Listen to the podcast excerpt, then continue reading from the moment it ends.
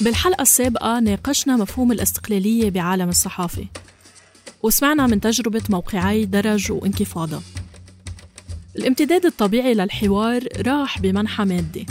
حكينا عن تأثير المال اللي بينضخ بأي مؤسسة إعلامية وقد إيه بيعطي الجهات المانحة كلمة بالخط التحريري أو حتى التجاري للمؤسسة.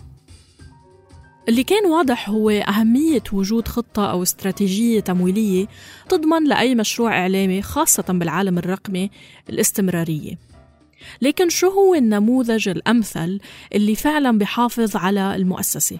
وهل تحقيق الربح هو غاية أو وسيلة للمنصات المستقلة بالعالم العربي؟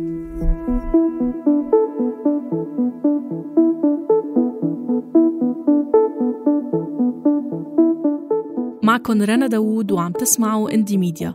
بودكاست بيوثق المشهد الإعلامي المستقل بمنطقتنا من خلال دردشات مع عاملين بالمجال.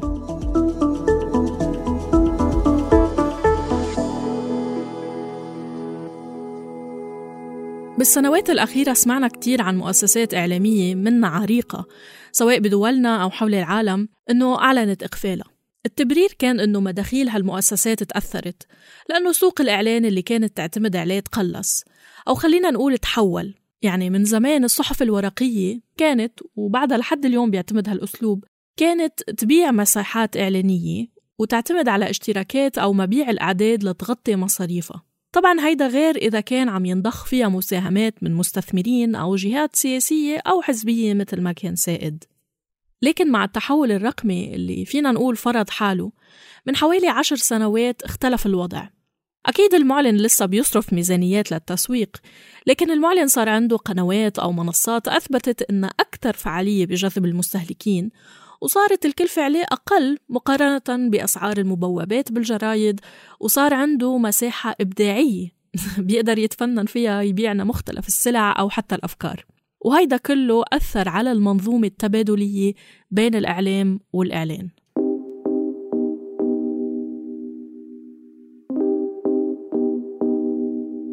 طيب إذا اعتبرنا أنه المنصات المستقلة ما رح تقبل تمويل مسيس وما رح تعتمد على المعلن القدير معناها راح أهم داعمين أو ركيزتين للتمويل. فإذا شو البدائل المتاحة؟ طريق الاستثمار موجود. وفي مستثمرين أفراد وشركات مهتمين.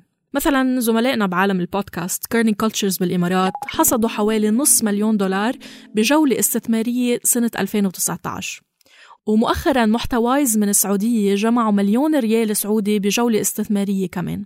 يمكن هيدا الخيار منطقي للمنصات الناشئة أو ال startups. حاليا كتير من المنصات اللي بتصنف نفسها كمستقلة عربيا وأغلب اللي تحاورنا معهم للتحضير لهيدا البودكاست هيك عم يتلقوا تمويل من مؤسسات مانحة دولية على الأقل بمرحلة التأسيس.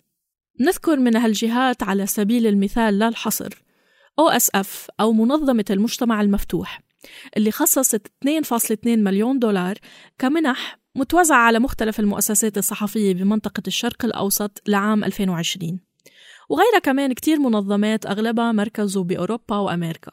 بحسب ما بتعبر هالمؤسسات عن نفسها بتقول إنها بتؤمن بالدفاع عن حقوق الإنسان وقيم مثل الديمقراطية اللي من أدواتها طبعا الأساسية حرية الصحافة والرأي والتعبير.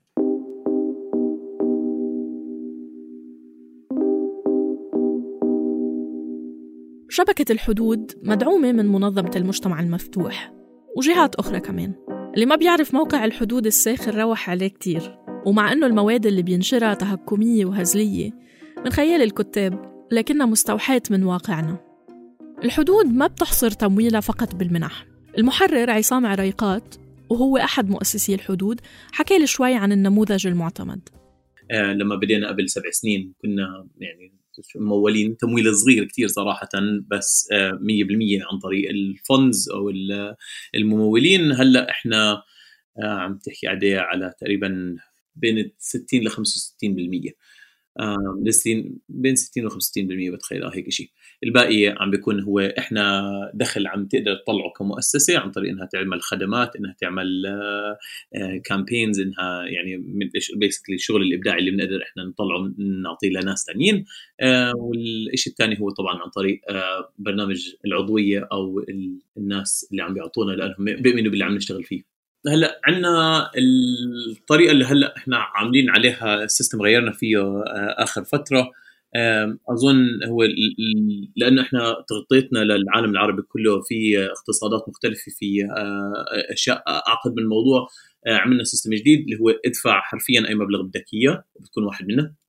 الفكرة بالموضوع إنه إحنا نشوف قديش بيقدر يكون في قوة وراء الشغل اللي إحنا عم نشتغل عليه. هلا بالآخر يعني they add up بالآخر. حتى لو إنه واحد عم يعطينا دولار واحد عم يعطينا خمسة واحد عم يعطينا 20 آه، واحد عم يعطينا 100 آه، هدول بالآخر بجمعوا على بعض وبوصلوا ل آه، نقدر نغطي تكلفتنا كاملة عن قريب. من هون لسنتين الهدف إنه نقدر نوصل لهذا الحكي. إذا إنه في ناس كفايه عم عم يدعموا.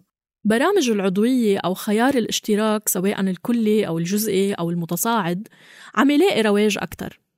ومن ناحية هو مش بس بأمن مدخول بس كمان بمهد لنوع مختلف من العلاقة مع الجمهور بس هل الجمهور العربي مستعد يدفع لقاء اللي عم يقرأه ويسمعه ويشاهده؟ أظن هل أكيد لسه يعني السوق مش متشور كفاية أكيد صراحة لسه عم بتطور بس اللي عم نشوفه صراحة إنه هو أظن الواحد بس يقدر يتأكد إنه يعطي قيمة أو بشكل يعني جزء منه إنه يعطي قيمة جزء ثاني إنه إنه يحكي إنه يقنع اللي قدامه ليش هذا الشيء مهم. يعني فهي هي خليط من خليط من الشغلتين مع بعض. بس طبعا هو السوق عم يكبر شوي شوي عم بيصير في آه تقرب أكثر إنه الواحد آه آه يدفع. بس بس آه بس مش بالسرعة طبعا اللي موجودة برا. اللي عم يقوله عصام واللي بتتفق معه ديانا مقلد من درج بيوحي إنه السوق حاليا مش ناضجه كفاية لكنها مش يعني ما ناضجة ابدا. ويمكن هي مسألة وقت بس لنتجه لمستهلك عربي عارف بالضبط وين يستثمر وقته واشتراكه إذا المنصات أثبتت جدارتها. شوفي آه، نحن مؤمنين إنه لهلأ يعني بدنا يعني معجبين شوي إذا بدك بفكرة الجارديان اللي هي منصة مفتوحة ما بتسكر بس بذات الوقت ممكن تاخدي اشتراكات. حذرين شوي بدرج من فكرة إنه يكون المحتوى كله آه، مدفوع. وهيدا في له فلسفة طويلة عريضة فينا نحكي فيها بعدين. بس إذا بدي أحكي بس على سلوكيات المستهلك العربي آه، المستهلك العربي بيدفع لنتفليكس بيدفع للرياضة بيدفع للبورن بيدفع آه، لمشاهدة أفلام آه، منصات عربية. بس أنا بدي أحكي كمان على القراءات. يعني نحن بال 2019 لما عم نشوف أكثر عشر مواد قراءة بال 2019 لما بيطلع أربع مواد منها تحقيقات استقصائية وتحقيقات معمقة ولما بيطلع ثلاث مواد منها الأربعة لهم علاقة بحقوق المرأة وبقضايا لها علاقة بوضع النساء بالمنطقة العربية. أنا بشوف هاي أرقام مشجعة. يعني اللي بيقول أنه القارئ أو المستهلك العربي لا يهتم بالمحتوى الجدي الأرقام والأمور المتداولة أنا ما كثير بصدقها لأنه تجربتنا عم تعطينا أشياء آه، بتناقض هيك إذا بدك السائد وما يتم تداوله.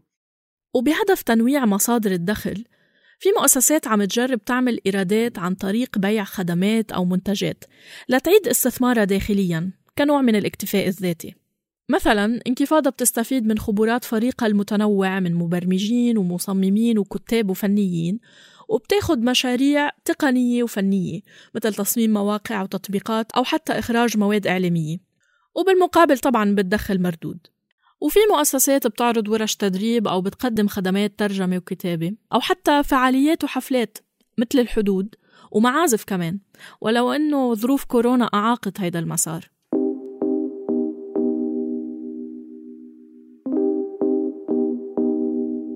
عزيزاتي وأعزائي واضح إنه بدون فلوس ما في استمرار. هي الحياة مادية هيك ولازم نخضع لنظام الرأسمالي حتى بعالم الميديا.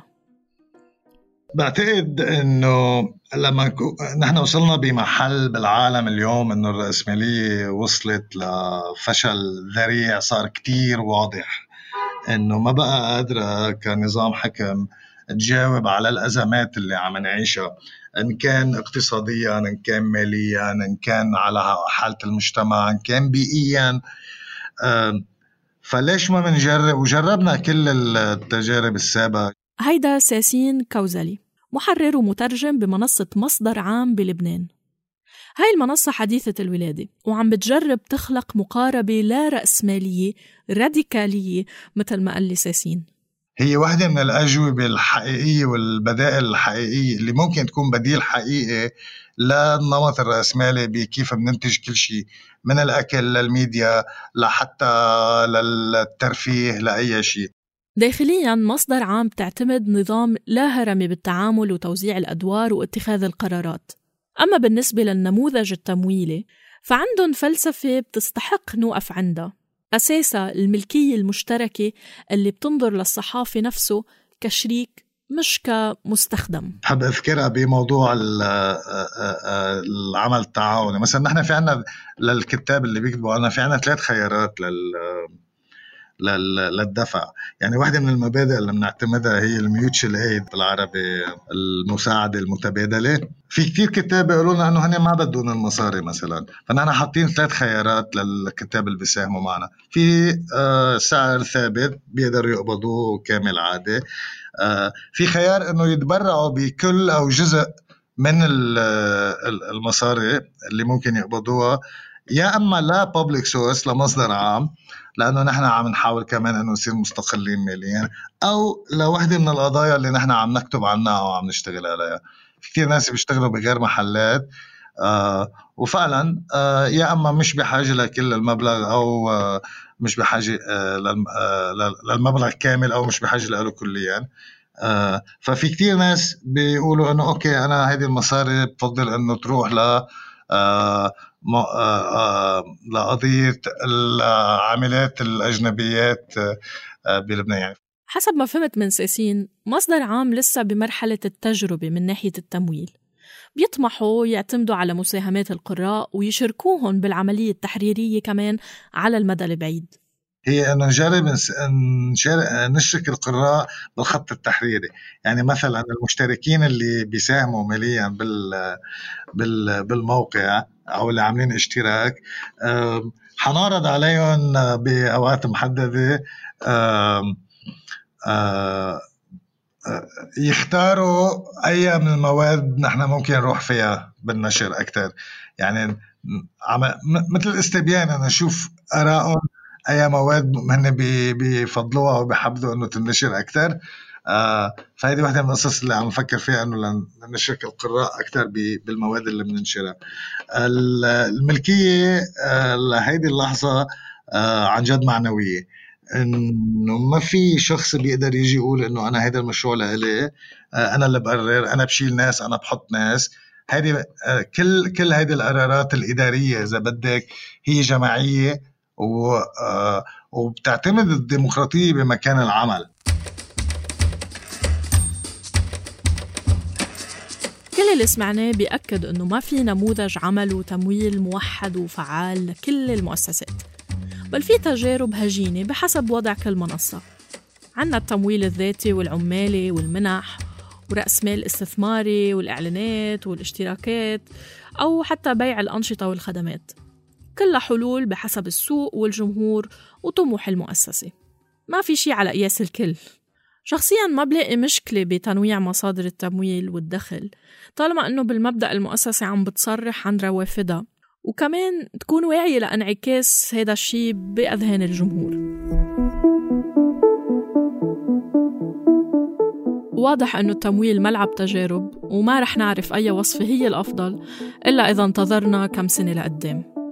ومن هلأ لوقتها انتظروا اندي ميديا بالحلقة الجاي لنناقش المحتوى والمضمون بالمؤسسات الإعلامية المستقلة بالعالم العربي. كنت معكم بالإعداد والتقديم أنا رنا داوود ومن تصميم الصوت أنضوني حنا. هيدا البودكاست نتاج تعاون بين صوت وانكفاضة.